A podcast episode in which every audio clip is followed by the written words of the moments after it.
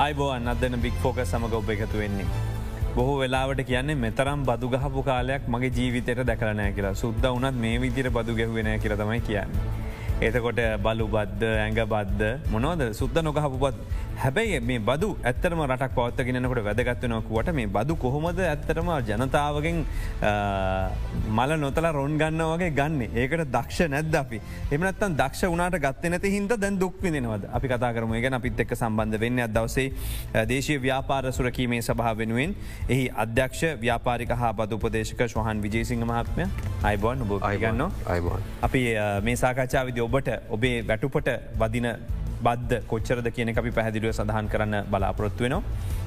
ඒකම අපි ගන්නව නන්දම් මේක ඔබතුමා ප්‍රායෝගිකව ගත්තෝතින් මේ බදු සංශෝධනය එක්ක මේ බල් ලබෙද බදු ප්‍රතිශතය එකතු කළ තියන්දේ. සාධාරණද අසාධාරණද කෙටියෙන් කියනවන. මගේ අදහසනං චතුර මේ බදු ප්‍රතිශතය ප්‍රමාණයට වඩා වැඩි කියන එක ඒක මම දැන් ඉස්සරහ සාකච්ඡා විදි පැහැදිලි කරන්නම්. නමුත් මේ බදු ප්‍රතිශත සහ දීලතින බදු අයනෝන දීමනාව ගත්තහම සේවා නියුත්ති සේවාවනල නිර්ත වෙන අපේ වැඩ කරන ජනතාවගේ අදහස මේ වැඩි එකක් වැඩි කියන එක දැන් ඔබ දන්න විශේෂම අපි දන්න විශේෂමත දස් දාහතයංක විසි හතර දරන මේ බදු ආදායම් පනතට සංශෝධන කහිපයක් මෑතකදි ගෙනල්ල තියෙනවා. තොර ඒ වගේම වැට් එක ගත්තෝතින් සිරටේ ඉඳලා සීර දොළහයි දක්වා වැඩි කරා. ඊට පස්සේ පහළව දක්වා වැඩි කරල තිනවා දැන්. ඒවගේම ආදෑම් බදු සංශෝධන එකන්නේ මේ අවුරුද්දේ දහයයි එක ඉඳලා ක්‍රියාත්මක වීමට නීමිතව තිබෙනවා. මේ ප්‍රධාන සංශෝධන ගැන අපි ප්‍රධාන ඇත්තරම දැනුවද කියනක ප්‍රශ්ය තියන මොනවද ඇවිල තින මේ සංශෝධන ටික මුලින්ම. මුලින්ම ගත්තොත් චතුර මේක කොටස් දෙකට කතා කොළොත් පර්සනල් ටැක්ස ගැන්නේ තනි පුද්ගලයන්ට තියෙන බදු සංශෝධනයි සමාගමකට තියෙන බදු සංශෝධනය කොටස් දෙකට කතා කළොත් තනි පුද්ගලයන් කියන පුද්ගලයන්ට ගත්තොත් එහෙම බදු නොවන සීමාව කලින් තිබුණා මිලියන තුනක්. එතෝට දැන් ඒක මිලියන එකයි දසම දෙකට අඩු කරලා තියෙනවා. ඊට අමතරව ඒගැන සරලව කියනවා නම් මාව බදු අය කිරීමට ලක්වෙන පුද්ගලෙක් වෙන්නේ නෑ. මගේ වාර්ෂික ආදායම ලක්ෂ තියක මට්ටමේ ඉතියෙනවන. කලින් තිබුණ. කලින් ඒක මම අවුද්ධර ලක්ෂ දොළහක් වයන පුද්ගලයෙක් නම් ඒ පුද්ගලයා බද්ධට යටත් කියනකයි මේ කිය මේකෙන් කියන්නේ. කියන අවාර්ෂිකවා ලක්ෂ දොළහක් මාසකට ඒ ගැන ලක්ෂයක්. එක මාසකට ලක්ෂකට වඩා වැඩ්ඩන යා ලිපිගොුණු ලම ඒකට ඒකට අපි කියනවා සේ ඇත්තනකොත් සේවා නියුත්තිකෙක් නම්. එයා එයාගේ සේවා යෝජකයා බද්ධ අඩු කරනවා.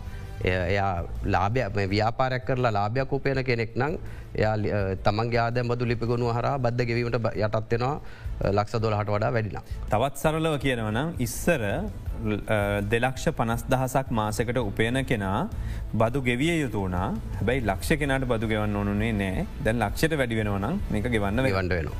හොඳයි. ඊට අම්මතරව අපිට පෞද්ගලික පෞද්ගලිකව රිලිෆ් කියලා කියනවා එකට සහනයක් හැටියට දීල තිබුණා ලක්ෂ දොළහක් මේ කියන ඔය කියන මිලියන තුනට අමතරව. ඒ වියදං දීමනාව මේ පාර සම්පූර්ණයෙන් අයින් කල්ල තියෙනවා ඒ වියදන් දීමනාව අපිට දීලා තිබුණ අපේ අධ්‍යාපනි විදංවලට සෞඛ්‍ය විදංවලට ඒ වගේම මුණද කොටස් අප මිලිදී ගන්න නගේ කොටස් මිලිදී ගැනීමේ පිරිවයට එතෝට නිවාස නය පොලියක් අරගෙන තිබුණ නගේ පොලියට ඊට අමතරව ඒ වගේ කොටස් අපිට දීලා තිබුණා බදු සහනයක්. ඒ මේ එකයි දසම දෙකක් මිලියන එකයි දසම දෙකක්. නමුත් ඒක සම්පූර්ණයෙන්ම මේ බදු සංශෝධනත් එක්ක මේ පාර අයින් කල්ලා තියෙනු. මේකේ කාණ්ඩ හයක් යටතේ බදු අය කිරීම ගැන කතා කරනවා. එකක් ගත්තෝතින් සීර හය දොළහ දහට විසි හතර තිහ තිස්සය දක්වා යන. එතකොට දැන් මේකත් එක්ක සාමාන්‍යෙන් ආදායම් බද්දක් පනවන්නේ තක්සේර් වර්ෂයක මුල ඉඳලා එම නැත්තම් අග සිට ක්‍රියාත්මක වන්න. එවනි ඔව. ඒ කියන්නේ තක්සේර් වර්ෂයක් මැදදී මේ වගේ ආදායම් බද්දක් පනවනකොට යම් කිසි ආකාරයක සංකීර්ණ තත්ත්වයක් උදාවෙනවා අනිවාරෙන්ම ආදායම් බද්ධ වගේ වගෙදී. මොනවගේ සංකීර්ණ තත්ත්වයක් එයිද ව්‍යාපාරවලට මේ පැනවීමත් එක්ක.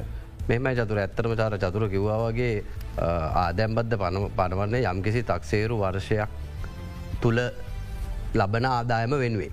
එතවට මේ ආදායම තක්ෂේ වර්ෂයක් කියල කියන්න අපි සාමාන්‍යෙන් එක වර්ෂයක අප්‍රේල් පලවෙන්ද ඉඳල ඉළඟ වර්ෂය තුනයි තිස්සක දක්වා. එතොර සාමාන්‍යයෙන් දැන් මුලේ දම්ම මුලේ දම්ම තිබිච්ච ක්‍රමේ තමයි අයවයක් ආවන් පස්සේ ඒක බදු සංශෝධන ටික බදු සංශෝධන ඊට පස්සේ සංශෝධ පනතට එන සංශෝධනයක් හැටියට අප්‍රේල් පලවින්ද ඉඳල තමා සාමාන්‍යයෙන් පැනවීම පුරුද්දක් හැටියට තිබුණේ.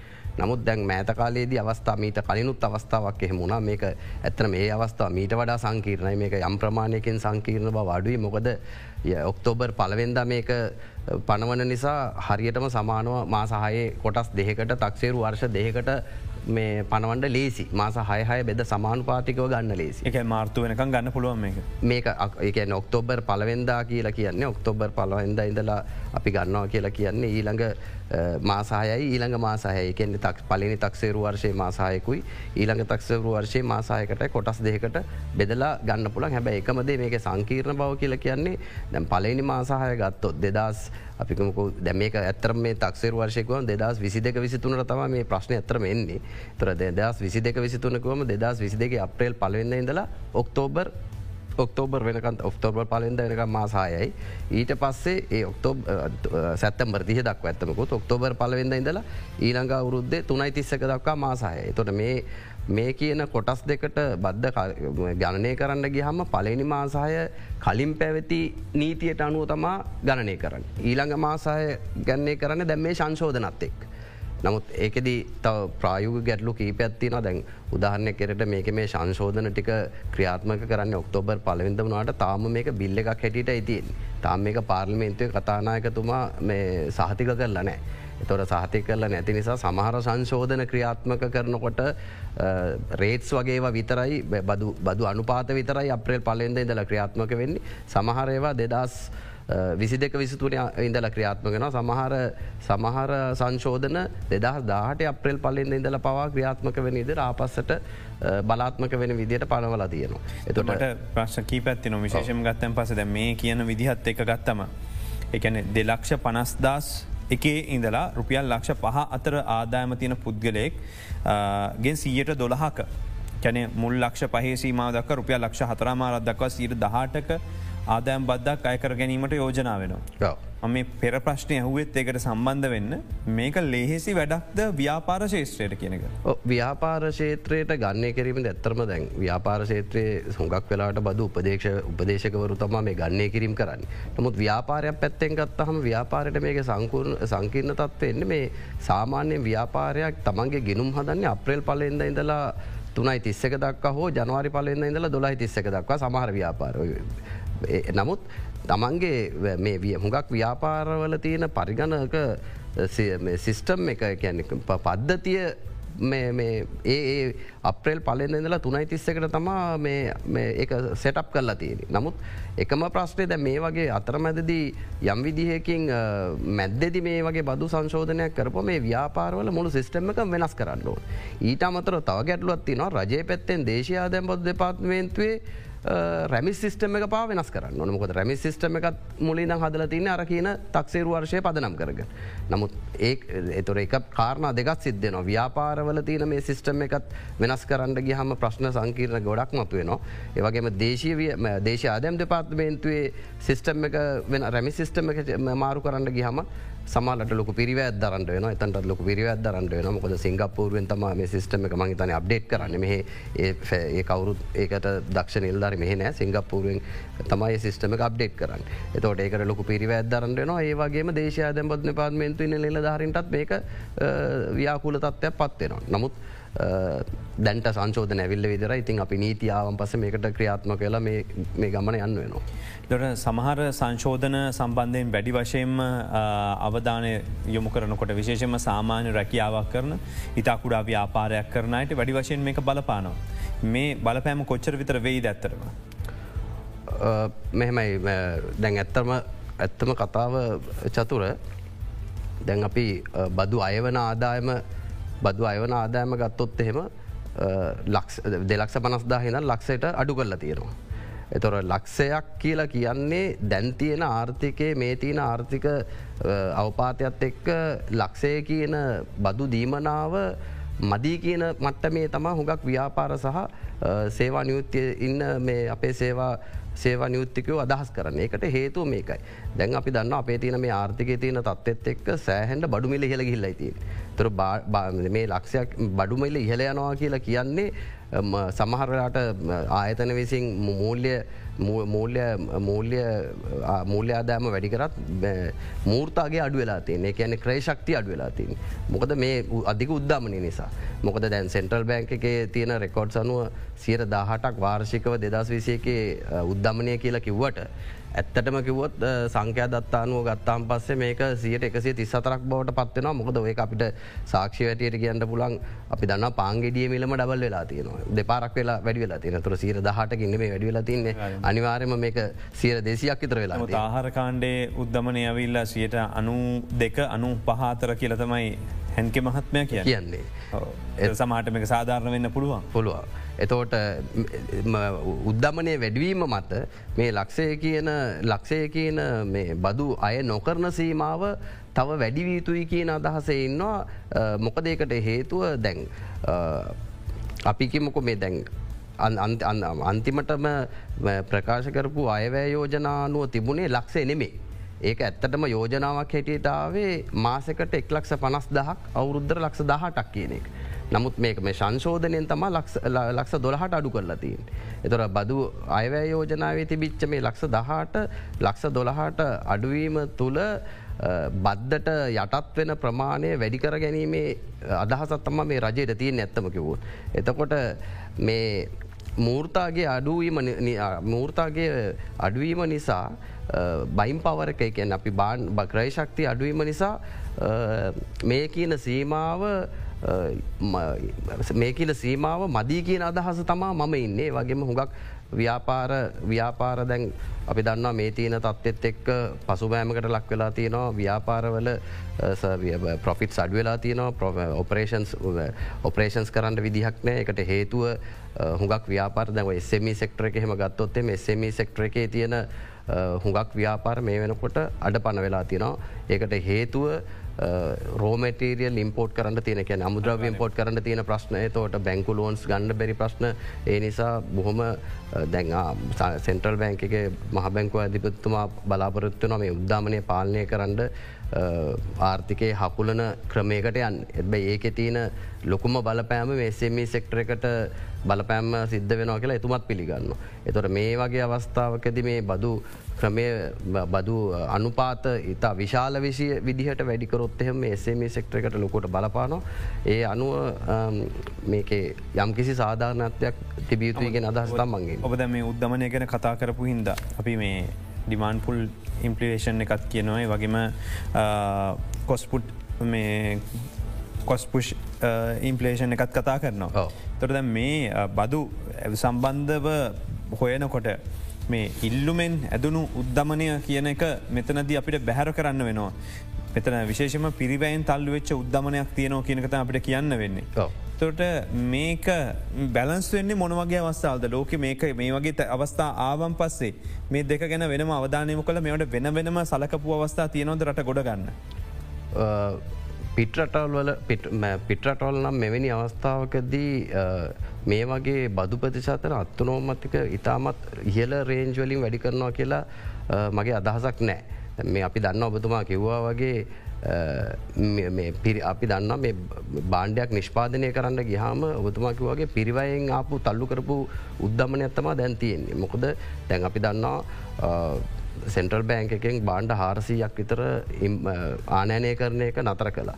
එතොට ඒ නානය කරන එක නතර කරපම සමහර ආයතනවලට ඒක කෙලින්ම බලපාලා තියෙනවා මොකද සමහර ආයතනවල ප්‍රඩක්ෂන් එකට ඕන කන රෝමටියල් පවන් ඉම්පෝට් කරන එක හුඟක් වෙලාවට සීම කරලා තියන්නේ බාණ්ඩ අතර.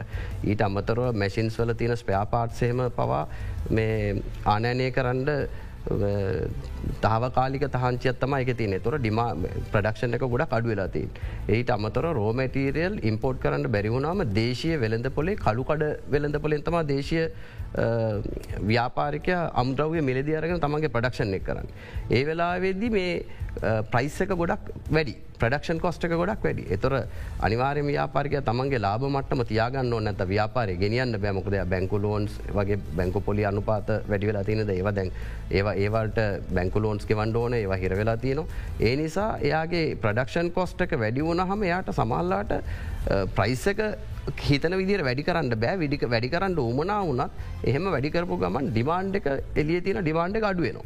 එතර ඩිමාන්ඩ කඩු නම ඔබතුමා කිව්වාගේ මේ ඉන්ෆ්‍රේෂන් එක වැඩි වෙලා තියන්නේ ප්‍රයිස් එක වැඩිකිරීම තුළම නෙමේ අර කොස්ට් තමන්ගේ ප්‍රඩක්ෂන් පිරිවයට එක නිෂ්පාදන පිරිවයට යන අධික වියදම නිසා තමා ප්‍රයිසක වැඩි කරන්න වෙලාතිී. ඒ නිසා ඔබතුමා කිවදේ හරි. එතන තොට ව්‍යාපාරික බදු උපදේශකවරයෙක් විදිරම මේ වෙලාවේ අහන ඔබෙන්. විශේෂෙන්ම මේ වෙලාවේ සාමාන්‍ය ජනතාව මැත පැටවෙන මේ බද්ධ අඩු කරන්න. කද යෝජනා විදිර ගන්න පුළුවන් තුට අපි මොනහරි චෝතනාවක යෝජනාගන්න බෑ. ඔව. දැම් මෙහෙම දෙයක් තියෙනවා චතුර. දැන් අපි ගත්තොත් එහෙම දැන් රජයේ දළදේශය නිෂ්පාධිතය ගත්තොත් බිලියන දාසයක් විතර වෙනවා මුළු ආදායම්. එත මුළු දළදේශය නිෂ්පාධිතය. එතකොට ඒක ප්‍රතිශතයක් කිරට ආදෑම්බද්ධ ආදෑම්බද්ධ ගත්තොත් එහෙම දැනට බිලියන තුන්සියයි. දර එකයි දසම අටක් විතර තමා රජයේ මුළු දළදේශ නිෂ්පාධිතයෙන් බදු ආදායම හැටියට තියෙන්. එතෝට මේක මේ ඇබැයි නමුත් මුළු ආදැම්බදු ලිපිගොුණු ලිපිගොුණු ප්‍රමාණය ගත්තොත් එහෙම මම ඔබට විස්තරක් හැටියට කිව්වොත් එහෙම සංඛ්‍යාලයකනත් එක්කම තුන්දහක් නෑ එච්චර නෑ. එතන තමා ඇත්තරම තියෙන ප්‍රශ්නය මට මතක විදිහට මම මේ ඔවිටිස්සල්ලා අපි මේ සමන් තොරතුර හොයපු වෙලාවේ තිවිච්ච සත්වරත්තට වෙනස් වෙලා දෙකෙන් දැන් අලුත්තත්වේ ඕ දැන් මුළු මේක මේ දේශය ඇදැම් බදුර පෝග්‍රෙස් පොෆෝමන්ස් රිපෝට් එකෙන් රිපෝට් එකට අනුව ගත්තා හම දෙදස් විසිය එකේ මුළු ආදෑම් බදු ලිපගුණු සංඛ්‍යාව තියන්නේ ආර්ලක්ෂ නමදා සටසේ දා හතරයි. එතුර ඒකෙනුත් සමාගම්වලට තියෙන හැට අදස් නමයයි තනි පුද්ගල ව්‍යාපාරවලට තියන දෙලක්ෂා නූ දෙදස් තුන්සේ පහයි හවුල් ව්‍යාපාරවලට තියන්නේ දාසේදස් හත්සි අනුවටයි ඉම්පලොයි ෆයිල්ස කියන්නේ රස්සාාව කරන අප වගේ කට්ටියට තින තිස් දෙදා සත්සය දෙකයි. එතෝට මේ මුළු බිලියන තුන්සීයක ආදායම් බද්ධ හම්බෙන්නේ ෆයිල්ස් ලිපගුණු හාරලක්ෂ නමදා සටසේ දාහතරයි සමාගම් බදු සමාගම් ලිපගුණුත් එක්කම. එතකොට මේ ලිපගුණු සංඛ්‍යාව ගත්තොත් එහෙම තනි පුද්ගල ලිපිගුණු සංඛ්‍යාවගත්තොත් එම දෙලක් අනු දෙදහක් විතර ඇති නමුත් අපේ රටේ වැඩ කරන ජනතාවම ඉන්න මිලිය නටක් විතර. එතර මිලියනාටෙන් දැනට අපි ගත්තොත් එම බදු ලිපිගුණු තියන තිස් දෙදා සත්සය දෙකක් විතරයි සේවා නියුත්තිය ඉන්න කට්ටියට. එතකොට මේක මේක බලන්න ඕන කෙනෙකුට තේරනවා ලිපිගුණු සංඛ්‍යා වැඩි වියුතුයි. එතර මේ ලිපිගුණු සංඛ්‍යා වැඩි කරනකොට අපි ආදැම් ආදැම්බතු ලිපිගුණු සංඛ්‍යා වැඩි කරන්න රජය මේ ත්‍රෙස්සෝල්ඩ එක අඩු කිරීම එක අතකින් සාධාන්නයි නමුත් මේ ලක්ෂේ මදී කියන එක පැත්තකින් තර්කයක් හිටියට ගේනවා නමුත් අපි මේ බඩු නෙට්ටක වැඩි කරන්න ඕන. මේ බඩු බදු නෙට්ටක වැඩිකොලොත් තමයි රජයේ බදු ආදායම වැඩි කරගන්න පුළන්වෙන්නේ. මේක අත්‍යවශ්‍යම කලයුතු වෙනවා. එතර බදු නෙට්ක වැඩි කරන්න නම් හොඳ සිස්ටම එක මංව කල්නුත් කිව වගේ හොඳ සිස්ටම එකත් තියෙන්ට ඕන.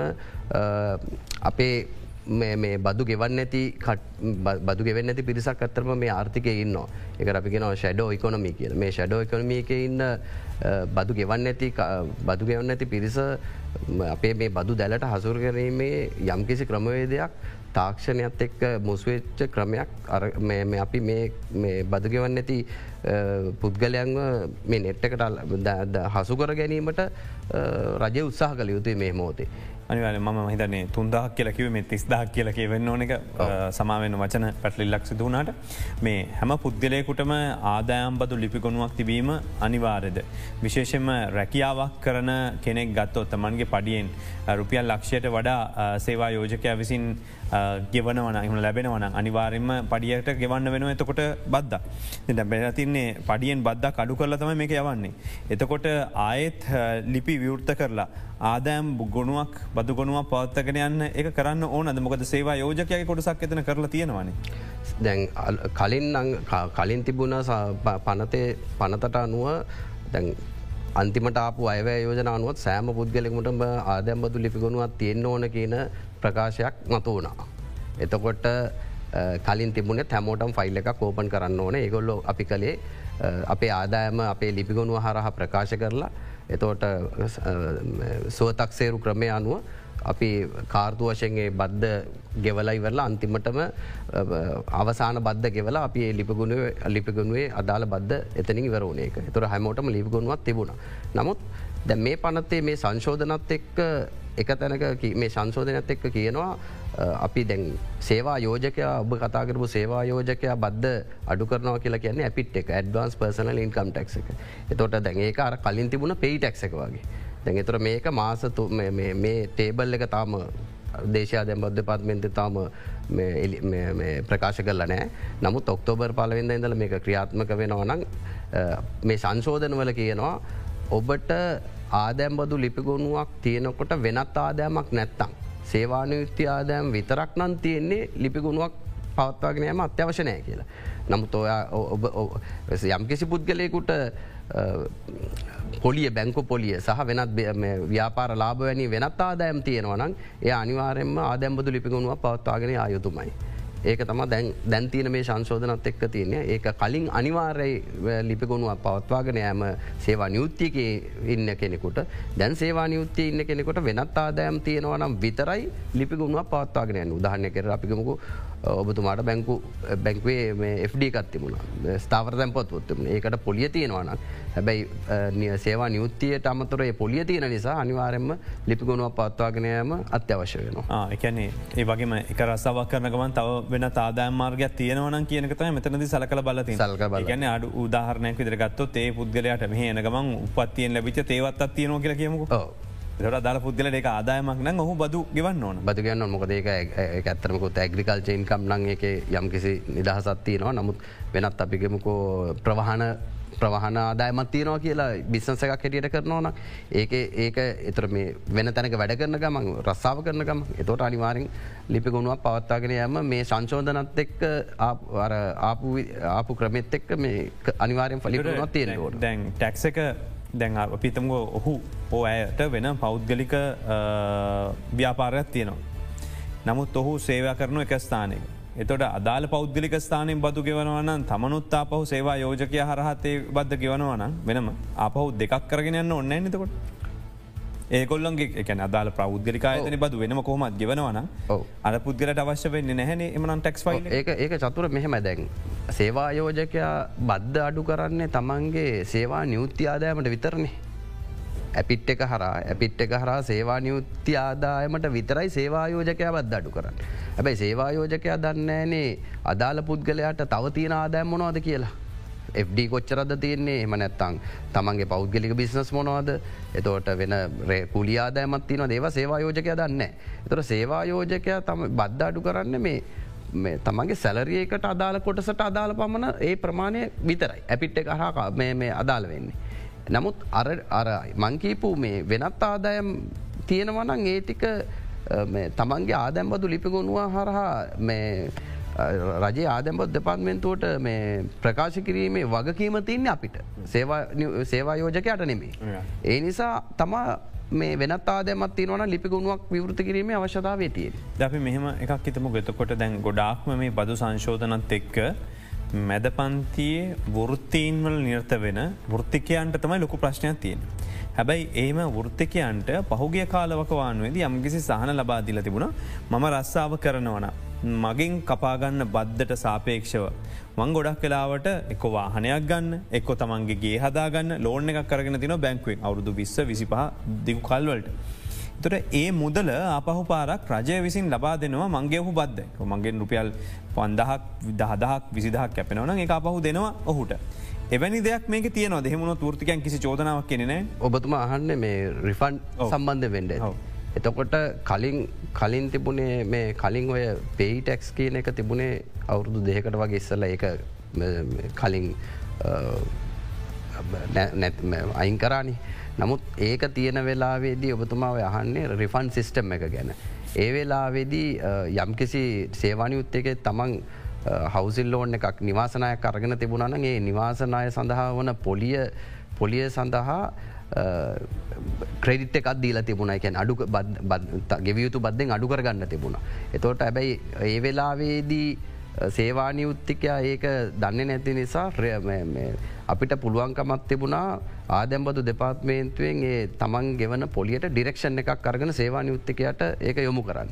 එහෙම නැත්තං අදාල ලිපිගොන්ුවෙන් රිෆන්ඩ එකක් කලේම් කරන්න. ඔබතුමා හැවේ ගැන. හැබ ඒ සිිස්ටම් එක මේක දැනට නෑ. මොකද ඒකට හේතුව තැම්මඟ රිස්සල්ල කිව්වා වගේ අපි උපේන ආදායම් බද්ධ උපේන සේවානියුත්ති ආදායමට සමානව තමා ඇපිට් එක සේවායෝජකය අඩු කරන්න.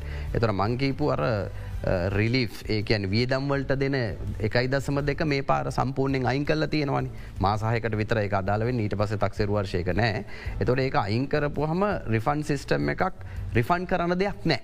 නමුත් එක ප්‍රශ්නයක් තියෙනවා. දැන් ඒ රිලිෆ් එක දුන්නේ මංකීපර වීදංවලට අධ්‍යාපන වේදං තෝට සෞඛ්‍ය වීදම් තොර ශයාස් ගණ්ඩගේ විදන් ඒ වගේ ඒවලට. ඒටික තමයිංකල හැබැයි ඊට අමතරව අපේ රිලිෆ් එකත් තියෙනවා. සෝල පැනල්ල එකක් මිලදී ගැනීමට ගිය පිරිවයට ලක්සාහයක් අඩු කරන්න පුළුවන්. හැබැයි ඒක ගැන මේ සංශෝධනවලින් ඒක ඉවත් කරල නෑ. එතොර දැන ඒ බදු ගෙවල ඔන්න ඒ ලක්ෂහය ඒ සහන ලබාගන්න පුළුවන් කියනක මේ කියන්න. පුළුවන්. හැබැ දැන් බදුගේ සේවායෝජකය ඔය ගැන සේවායෝජකයට ඒක ඒක සල කල විරලා බද්ධ අඩු කරන්න ක්‍රමයක් කොහෙවත් නෑ තුරයා ඇපිත් සිිස්ටම් එකට අනුව ඇපිට් එක අදාල සැලරියකෙන් ඒ අඩු කරනවා. ඒක අඩු කලාට පස්සේ අපිකුම එයාට ලිප්ලි අර රිෆන්ඩ එක ගන්නවන්න මේ කිපු ලක්සාහයට යා අනිවාරෙන් බදු ලිපිගුණුවක් පවත්වාගෙන යන්න ඕන ලිපිගුණුවත් තියෙන්න්න ඕන ඒ හරහාර රිෆන්ඩ ගිල්ලන්න ඕන. ඒ රිෆන්ඩ එක එතකොට ෆයිල් එකත් එතොට ඒ වෙලා විදි ෆයිල් එකක් මේන්ටෙන් කිරීම අනිවාර වෙනවා ලිපිගුණ පත්තාගෙනය මනිවාරයනවා ඒ ලක්සාහේ රිෆන්ඩක් ගන්න. නමුත් ඊළඟට තියෙන ප්‍රශ්නේ මේ රිෆන්ඩක දේශයාදැම් බද දෙපාත්මෙන්තුවෙන් ගන්නවා කියන එක එච්චර ලේසි වැඩන්නෙමේ. ඒක බොහම ලොකු කාලයක් ගත්තවෙල ලොකු ප්‍රසෙස් එක. එතකොට ඒක කොච්චර කොස්ටි ෆෙක්ටවද කියන පිළිබඳ ප්‍රශ්නයක් කෙන මොද ලක්සාහයත් එක්ක ගත්තාහම සැලරියක ලක්ෂයක් එක හමාරක් වගේ නම් ඒක රිෆන්ඩේකට යනෙක් හොඳයි නමුත් ලොකු සැලරිකත් තියෙන කෙනෙක් ලක්සායක් වෙනුවෙන් රිෆන්ඩ එකක් ගන්න මහන්සෙන එක මගේ පෞද්ගලික අත්දැකීම අනුව ලිපිගුණුවක් පවත්වාගෙන ඇම තුළින් ඒක ලොකු ෆෙක්ට එකක් නෑ කියන එකයි මගේ අදහස. දැන් අපේ පුද්ගලික වත්කම් විකුණනකොට දැන් පවතින නීතිය අනුව යම් යම් සංශෝධන ඉදිරිපත් කල තින විශේෂම ගත්තෝතින් ආදායම් බද්ධට අමතරව මේ වත්කම් විකුණලා එන මුළුමුදලට ප්‍රාග්ධන ලාබෙ මත සිරතියක බද්දක් ගෙවිය යුතුද පලනි ප්‍රශ්නය.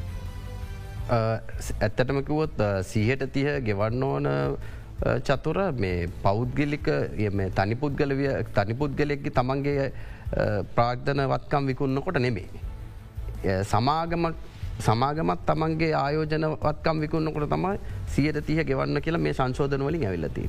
තර තනි පුද්ගලෙක් මේ ප්‍රාග්ධන බද්ධ ගෙවන්න ඕන සියට තිය අනුපාතන මේ කලින් තිබිච සීර දහය අනුපාතය. දහය තිහට වැඩි කලනෑ දහය තිහට වැඩි කලේ නෑ තනි පුද්ගලයා වැඩි කලේ සමාගම් වලට විතර මොකද සෑම සමාගම්කම තියෙනවා තමන්ගේ ආයෝජනවත්කම්. එකන තමන් ව්‍යාපාරය තුළ භාවිතා කරන වත්කම්වලට අමතරව තමන් තමන්ගේ මේ ව්‍යාපාරය විකුණන්න ඕනය කියල ඒක අද විකුණනාගේ මිලියන දහයක් නං අපි වන්නවා පෞද්ගලිකව බලන්නේ දෙදස් දාහතේ සැත්තැම්බර් තිහර තිබිච්ච වෙළඳ වටනා වෙළඳ පල වටනාකමක හිතනවා මේක පිරිවැය කියලා. ඊට පස්සේ තාව වීදන් අඩු කරන්න පුළුවන් ප්‍රචාරණ වීදම් බ්‍රෝකස් ගාස්තු එතෝට යම්කිසි ඒ වෙනුවෙන් හදන්ඩ අපි කන්සල්ටන් ගෙනෙකොට ගිය ගස්තේ වගේ වියද අඩු කරන්න පුළුව. ඒටික අඩු කරල එන එකට තමා සීර දහයගෙවන්. නමුත් දැන් ව්‍යාපාරයක් ගත්තොත් එම ව්‍යාපාරය සමාගමක් නං ඒ කියන සමාග මරකීපුුවත්කමත් යාගෙන වෙල්ලගනට එය සීර තියට ගෙවන්න ඕන. ඒකට පදනමත් තියෙනවා හුඟක් වෙලාවට චතුර මේ සංශෝධන වලින් දීපු සහනදායි අනුපාත සමාගම්වලට දීපු සානදායි අනුපාත තිබුණරේ බදු අනුපාත තිබුණ සිර දාහතර දාහට විසි හතර කිය. තැන්ගේ සියල්ල මයින් කරලා බදු අනුපාතය සිහට තියට අරගෙන තියෙනවා. එතර මංගන්න ද මට තියෙන ප්‍රශ්ය දැව ප්‍රශ මං කෙටි ප්‍රශ්යක දැම් මම ඉඩමක් කරගෙන ඒකේ ලාබය උපයනෝ කෝටි දායකරතර ඉඩමක් කරගෙන ඒක ඊට පස්සේ විස්සකට විතර විකුණලා සමහට ඒ කාලවකානුවද ඒ විස්සට ටැක්ස එක ගෙවනවන සීර දහය ගෙවන්න ඕන. හැබැයි තවත් ආකණ්ඩෑමක් සමාගමක් විසින් ඉඩමක් කරගෙන ඒගොලොත් ඔය විදින වැඩිකරෝතින් ඒගොල සීර තිහක් ගෙවන්න ඕන. එතකොට එතකොට මෙහෙම දෙයක් තියෙනවා මේ චතුර ඒ ඒ ගන්න කට්ටිය සමාගමක් හරහා ඒ වත්කම් මිලදී ගැනීම කරන්නේ තමන්ගේ ව්‍යාපාරයක් වෙන්වෙන්න ව්‍යාපාරය වෙනුවෙන්නම්. ව්‍යාපාරයම කොටසක් හැටිය නම් කොහොමටත් සීරතිය ගෙවන්න මෝන මොකද ම එකයි කිව්වේ ද ව්‍යාපාරයේ බදු අනුපාතයක් සීරතියයි. එතර දැම ව්‍යාපාරය විසි වත්කමක් කරගෙන ආයෝජනවත්කමක් හැටියට තියාගෙන ඒක විකුණනම් ප්‍රාග්ධනලා බනුපාතයත් ඔය කියන විදිර සීරතියයි. එතර වෙනසක් නෑ. සමාගම හරහ ගත්තා කියල වෙනසක් නෑ. කලින් ඔය ප්‍රශ්නය තිබුණේ ව්‍යාපාරයේ ලාභයක් මත ගෙවනකොට සමාගම බදු අනුපාතය සියට සිර දාහතර හරි දාහටරි අදාලා අනුපාතය තිබුණ සිර විසි අතර හෙම තිබුණ. නමුත් එතකොට ඒ වෙලාවේ සමාගම ආයෝජනවත්කමක් විකුන්න වෙලාවෙදී ඒක ව්‍යාපාරය කොටසක් නෙමෙන අර ප්‍රාග්ධන ලාබ මත සීර දහ ඇතිම තොර රේට් සතර ඩිෆරන්ස ඇතිබුණ ඒක වලක්වන්න තම මේක දැම මේ සීර තිය කරලා තින්නේ දෙකම. හැබයි පෞද්ගලික පුද්ගලයන් විකුන්නකට එක සීර දහයටයි ප්‍රාග්ධන් ලබ අනුපාතය අදාල වෙන්නේ. අපි කෙටි විරාමකට යොම වෙලා එන්නම්. අපි බදු උපදේශක ශවාන් විජේසිංහ මාත්මය සමගයි මේ සාකච්ඡාව සිදු කරා.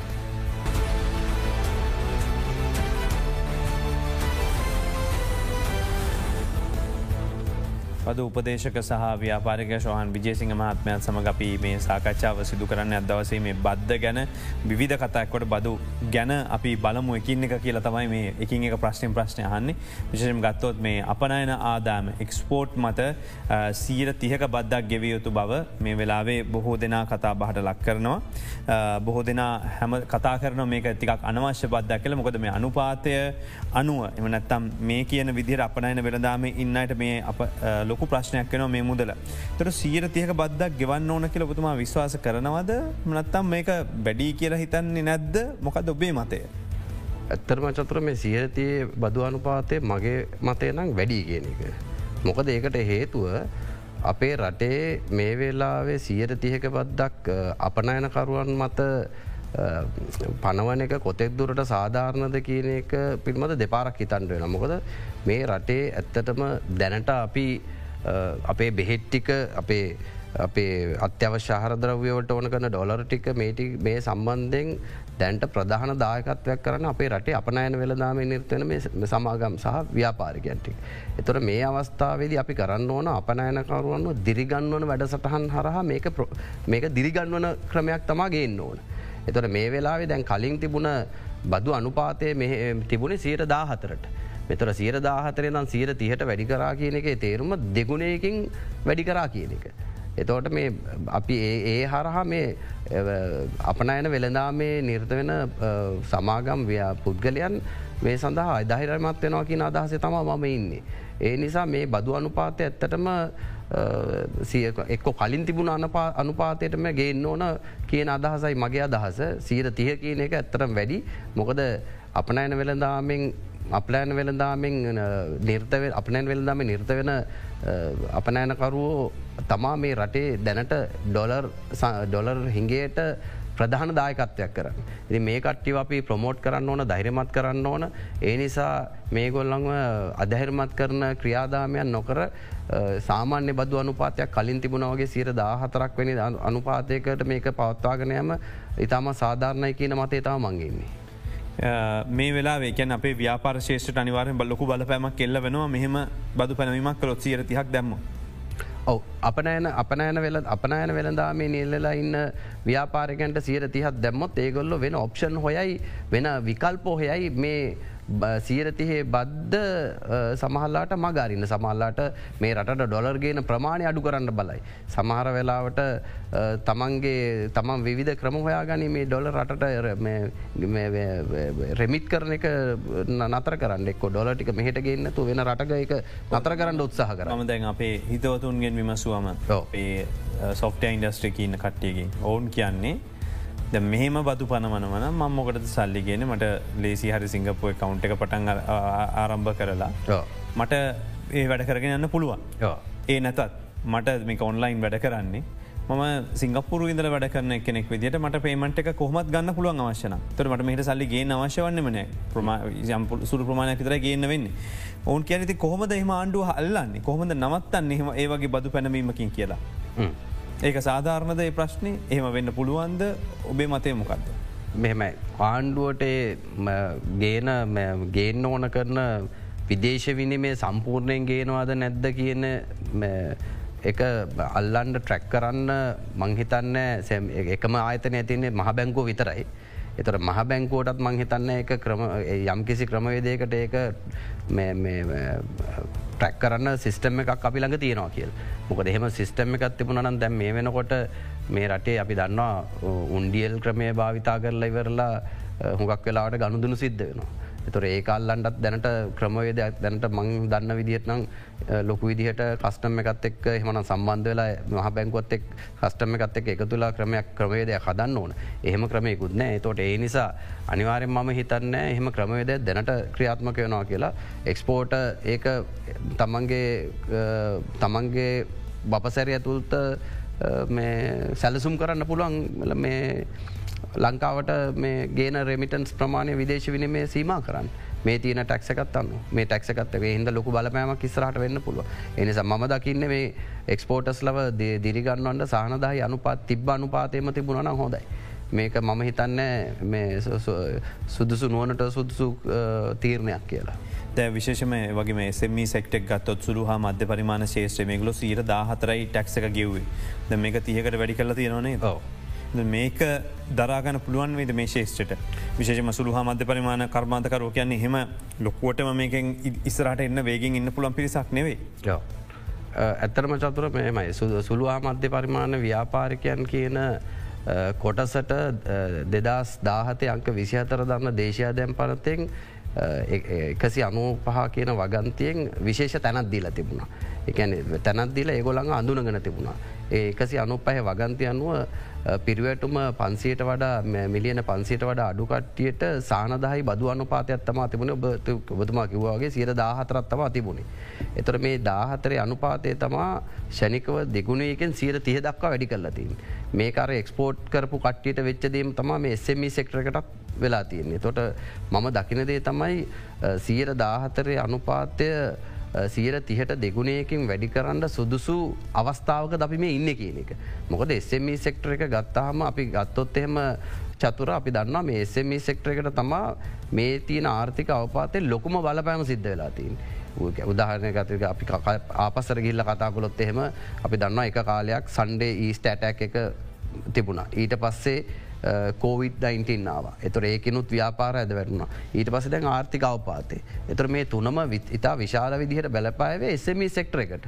එතකොට රජයක් හෙටියට අපි ඇත්තට මේ තියන තත්වේ ප්‍රායෝගික බිම්මට්ටමට ගිහිල්ල කල්පනා කරල බල්ලා එසමි සෙක්ටර එක වැටෙන අවස්ථාවන් ටිකට තල්ලු කරන්නේ නැතුව නැකිට්ටවන්න ගන්න ඕන සංශෝධන ක්‍රියාත්මක කළ යුතුයි. ඇති මම කියන්න බද්දක් අය කරන්නතු ඉන්න ඕන කියනක බදු අය කළ යුතුයි. මොකද රජයේ ප්‍රධානාදායම බදු නිසා බද්දක් අය කළ යුතුයි. නමුත් බද්දක් පනවනකොට බද්ධ පනවන්ඩ ඉස්සල්ලා මේ බද්ධ පනවනකොට ඒක තියෙන බලපෑම ඇතිවෙන පාර්ශවත් එක්ක යම්කිසි ප්‍රාථමීක සාකච්ඡාව පත්වන න හොඳයි. මොකද එහෙම නැතුව අපි හැමතිස්සම තීරණය අරගන ඒ තීරණය බලපෑම නරකත් ඇත ගියාට පස්සේ ගැන හිතල වැඩක් නෑ. මොකද ඒ තීරණය ගණ්ඩිස්සල්ලා මේක එස්සම සෙක්ටරකට දේශයා දැම් බද්ධ පාත්මේන්තු ඉන්න නිලධාරී ඉටවස බද උපදේශකවරු මේ කියන කට්ටියෝ එක මේසකට ගෙනල්ල මේ තියෙන මේ තියෙන මේ ඩිසිෂන්ස් මේ තියෙන බදු අනුපාත ඉහල නංවන්නට පෙර යම්කිසි සාකච්ඡාවක් කරලා ඒගොලන්න එක් යම්කිසි තීරණ ගන්න ඉස්සල මේක බලපෑම්මොකක්ද කියලා පසුවිපරමක් කරලා බැලුවනම් පෙරවිපරමක් කරලා බැලුවනම් මේක ප්‍රතිඵල මීට වඩා හොඳයි. ඒකතා මගේ අදහස. දැන් කුලි ආදායම් මත එමනත්තම් ප්‍රෙන්ට් එක මත අපි මේ අය කරන රඳවා ගැනීමේ බද්ධ සියට දහයක් කියලා කියනවා. එතොට මේ කියන විතෝල්ඩින් ටැක්ස එක රඳවා ගැනීමේ බද්දක් ලෙස අඩු කරගන්නේ ප්‍රෙන්ට් එකෙන් විතරද ගැන කුලිය අවදායමෙන් විතරද.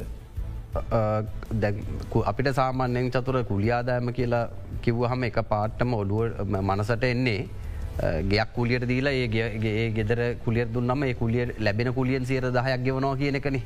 එතර දැන් හැබැයි මේ කුලියාදායම කියලා කියන්නේ මේ කියන කුලියාදායම ගේකින් හම් ගේකින් යම්කිසි ගොඩනැකිල්ලත් දීල හම්බෙන කුලියාදායම විතරක් නෙමේ. මොකද කුලියාදායම කියලා කිව්ව හම කුලියාදායම කියන නිර්වාචනයට සාමාන්‍යෙන් ප්‍රවාහන සේත්‍රය ඉන්න වාහනයක් කුලියට දීලා හම්බෙනෙක් කෙනගේ හම්බෙන්නේ කුලියාදායමම තමයි. හැබැයි ඒ කුලියාදායම එයා කුලියාදෑමක් හැටට නිර්වචනය වෙන නිසා යාටත් හම්බෙන්නේ කුලියාදායම නිසා එයාගෙත් මේ කුලියාදායම ලක්ෂ හැබැයි මෙතන සීමාවක් නෑ එතොට කුලියාදායමෙන් සියර දහයක් ගෙවන්ඩ වෙනවා. එතොට මේකෙන් සියර දහයක් ගෙවන්ඩ වනහම මේ කුලියාදායම එයාගේ එතන තින්නේ බිස්නස් ප්‍රොෆිට් එකක්. එතවට හුගක් වෙලාට යට රිෆන්ඩ එකක් එන්නේ මොක දෙයාගේ සාමාන්‍යෙන් ඔය විශේෂමෝක ටුවරිසම් සංචාරක ව්‍යාපාරයේ ප්‍රවාණ ශේත්‍ර ඉන්නේ ගොලන්ට වැඩියම් බලපානවා මොක දේගොල්ලො හුගක් වෙලාවට ඔය ප්‍රවාහන ප්‍රවාණය බිස්නස එකක් ඇටියට කරනකොට ව්‍යාපාර කෙරට කරනකොට ඒක කම්බෙන කුලියාදායම මේ සීරදාහය අඩු කරන්න එහෙම ගියොත් අඩු කළොත් අනිවාරෙන් ඒගොල්ලන්ට ලොකු ලොකු හානියක් වෙනවා මොකද ඒගොල්ලන්ට ඒගොලන්ගේ මාජින්න එක සීට පහක් සීට දහයක් අතරතම ඇතරමතින්. එත මාජින්න එක තියන්නේ තමන්ගේ දලාබේ තියන්නේ සීට දහ මේ සීර දහයක් කැපුවන් පස්සේ ඒ ගව තමන්ගේ මූල්ල ප්‍රහයට ඉතා ලොකු බලපෑමක් සිද්ධ වෙන. ද පියාලිත් විරාමකට මිලයින්න මේ අදරන බික් ෆෝකස්.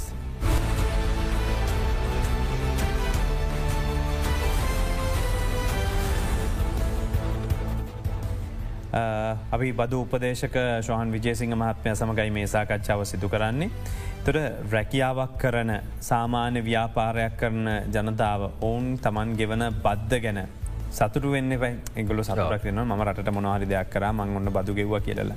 හැබැයි රටේ හැම පුරවැසියෙක්ම බදු ගෙවල දුක් වෙනවන වැඩි මම ගෙවහු බද්ධ. තුර ගෙවන්නේ අපරාධ. ගෙවල මේ රට මිනිස්සු දේශපාලකයෝ මේක විනාස කළ දාන අපි බදුගෙවට එකින් අපිට වැඩක් වෙන්න රට වැඩක් වෙන්න පාරක් හැදන්න ගම හැදන්න ඇක්ල හිතෙනවන. ඒක කොහොමද රටේ ආර්ථිකට බලපාන්නේ. ඇත්තටම කිව්වොත් චතුර දැන් අපි බදුගෙවන ජනතාවක් හැටියට බදුගෙවන ජනතාව තමන් ගෙවපු බද්ධ ගෙවලිවරලා ගෙවපු බද්ධය ප්‍රතිඵලය ගැන සතුරෙන්ට පැන්න රොබතුමා කිව්වා වගේ. නමුත් මේ රටේ ජනතාව බද්ධ ගෙවල ඉවරලා ඇත්තනම දුක්ක නොමිසක් සතුනවා කියලම විශවාස කරන්න. මොකද මටත්තින අත්දැකින් මාත් එක කතා කරන මම බදු ගෙවන ජනතාවත් එක කතා කරලා කතා බහ කරලා තියෙනවා. එතොට අහන ප්‍රශ්නයක් තමයි ප්‍රධාන ප්‍රශ්නයක් තමයි බද්ධ ගෙවලා අපිට මේ රටේ ගෙවපු බදු මුදලෙන් ලැබෙන ප්‍රතිලාබ අත්විඳින්ට ලැබිල තියෙනවාද කියන එක. දැන් අපි පිටට ගත්තොත් එම නිවසීලන් ගත්තොත් එම තමන්ගේ බදවාර්තාවේ බදවාර්තාවේ යටි ලියල තින තමන් ගෙවපු බද්ධ කොයි විදිහට තමන්ගේ සුබසාධන කටයුතුවලට තමන්ට ආපසර ප්‍රෝජනයක් කරයට ලැබිල තියෙන කියල ආදමබදු ආර්තාව යට අන්තිමට ලියල තියෙන එකන එතන කොතන්ට දෙනක ද කොතන් කියවන දැන් අපත් කියවන බදු ගෙවන ජනතාවට ඔබට ස්තුතියි කියල ඉස්සර ඩුටිස්මට දාලා කිවන ඔබේ රෝහල් පදතිය මෙම නඩත්තු වෙන්නේ. ස්කෝල දහදහක් නඩත්තු වෙන්නේ මෙහෙමයි. ඒකන්න දරුව මෙම නඩත්තුවෙන් අතරිස්තුන් ලක්ෂයක් ක්ෂ පාසල් දරුව කියෙන එහෙමකද නිවසිලන්ටල තින්න එමනත්තන් අපි දෙන්න සල්ලි කොතන්ට යන්න කියලා කියන දෙන්න සල්ලි කොතන්ට දෙයන්න කොයි කොයි ප්‍රජෙක්් එක එකට දෙන්න. කොයි සංවර්ධන කටයුත්තකට මේක දෙලතින ඒක තියෙන ප්‍රතිලාබ ඔබට ලැබෙන්නේ කොහොමති කියලා චේදයකින් කියලතින. ඒක අභිප්‍රේරණය කරන්න බදු ගෙවන්නවා අභිප්‍රේරණය කරන අපේ එහෙම ලියන්ට පුළුවන් තත්වයන් නෑනේ මොද අපි දන්න අපිට ලියන්න බෑ. ලියන්න තියන තැන් ඔක්කොම් වැහිල ඉවරයි. ලිස්ටකල් ලියන්න වේ අන්න ඒක එහෙම වුණොත් එතෝට දැන් බදු ගෙවන බදු ගෙවන්නා නිතරම මතයක් ගොඩ් නගාගෙන ඉන්න මේ රටේ තියෙන තත්ත්වය අනුව මේ දේශපාලනය ගත්ත වැරදි තීරණානුව අපි ගෙවන බද්ධ නියමිත විදිහට ප්‍රෝජනයට මේ රජයක් කිසිම රජයක් ඒක යස් කරේ නෑ කියන එක. මොකද උදාහනය කර අපි කෙලින්ම කතා කලොත් එහෙම බදු ගෙවන්න කෙලින් මහන අපි ගෙවපු බදුවලින් මෙච්චර නය වුණා. මෙච්චර බදු අවුරදු ගානත්තිෙ බදු ගෙවල තියන හැ අවුරදු විස්සක් විසිපත්තිසේ හැම රජයක්ම බදු අය කරලා තියෙන. එහෙම ගත්තොත් එහෙම අපිට පාරක් හයිවේස් තියෙනවා හැබැයි වරායත් තියෙනවා එතෝට මත්තල යාපෝට්ට එකත් තියෙනවා නමුත් මේවලින් ආදාය මෙනවත්. මේවලට යොදෝපු මේ ප්‍රොජෙක්ස්වල්ට යොදෝපු මුදල් හරියට යෙදවුණාත්. ඒ ඒක ඒක පිරිවෑගත්තොත් ඒ පිරිවෑ ඒකට යොදවපු ප්‍රජෙක්් එක වැල්ුව එක සාධාරණද. මේවා දේශපාලනය සහ දේශපාලනය නිර්ත වෙලා හිටපු ඒගොල්ලන්ට මේ ප්‍රොජෙක්ස්වල වීදං කරපු මුදල දූෂණය හරහා තමන්ගේ පෞද්ගලික ප්‍රතිලාභයනය යොදාගත්තද. ඔය පිළිමත ලොකු ප්‍රශ්නයක් මේ රටේ ජනතාවට තියෙන එහෙම කිව්වම දැන් තොට ගත්තය පස්සේ ආපහු බාර බොහොම ලස්සන්ට හදල පෙන්න්නනවා අපේ ඔය දේශපාලන ශේෂත්‍රය සමස්ත ආදායම ගත්තම මේකින් ආදායම එකුන්ට වියන්න වියදම විදිට සීර දෙකයි. දේශපාලක්ඥෝ ප්‍රදේශ සභා නියවුන් ගාර්ලේ කම්ලා ඔක්කොටම. රාජ්‍ය සේවකයෝ ගත්තයන් පස්සේ එතනත් ලක්ෂ දාස ඇදදා හතකට වෙල් ලඟන්නවා ඒකොලන්ට යන සීට විසිනමයක් රාජ්‍යාදාමෙන් තොර බදු ෝතන තියෙනම නාදායම එතොට මේ දෙකොල්ලුම් වක් කියන්න පැහිනක් කියල හිතනවාන. ඔවු ඇත් ඔබතුමා කියන කතාව ඇත්ත. මොකද දැන් අපි කියන අපිට හර ලේසි දේශපාලක න මේ කර නැත්තේ. යතමයි ඩිරක්ෂණ එක දුන්න ඇත්තේ යතමයි හැබැයි ඒ වනාට මේ ඔක්කොම ඉන්න අන මෙතන. ගැන සීර විසිනමයක් කිය ඇත්ත. මොකද දැන් ගත්තොත් එහෙම දේශපාලන්තයන්ටම අපිට දොස් කියන්නත් බෑචතුර මොකද දැන් අපි ගත්තොත් එහෙම අපේ රාජ්‍ය සේවය ගත්තොත් එහෙම රාජ්‍ය සේවේ පෞද්ගලික සේවයත් එක් ගත්තමුත් කාරක්ෂමතාවය ගත්තොත් පරස්පර විරෝධීනේ. ඒ අපි හැමෝම දන්නවා. එහෙනම් අපි රාජ්‍ය සේවේ කාරක්ෂමතාව වැඩි කරන්න ඕන කරන ක්‍රමෝපායන් අපි ගන්නට තිබුණේ මීට අවුරුදු ගානකට ඉස්සල්ලා. එහෙනම් මොකද පෞද්ගලිකාංශය කාරක්ෂමතාව වැඩි වෙලා රාජසේවේ අකාරක්ෂම වෙන්න නම් ඒ අත්තර ගැප් එකට හේතු හොයල බලන්න ඕන. එනම් මේ දේශපාලඥෝ ඇතුළු මේ රාජසේවේ නියත වෙන හැම කෙනෙක් ගෙම් මේ ගැප් එකට වග කියන්න ඕන සාමාන්‍ය මහජනතාවද එහම නැත්තං බදු ගෙවන ජනතාවද කියල පිළිබඳ ප්‍රශ්නයක් තියෙනවා. හැබැයි එතකොට බුතුමා කිව්වාගේ දේශපාලඥෝ විතරන්නේ මේ රාජසේවේ හැමෝම වෙන්නත් බෑ වැඩ රාජසේවෙත් වැඩ කරන බොහමෝද පිරිසක් ඉන්නවා.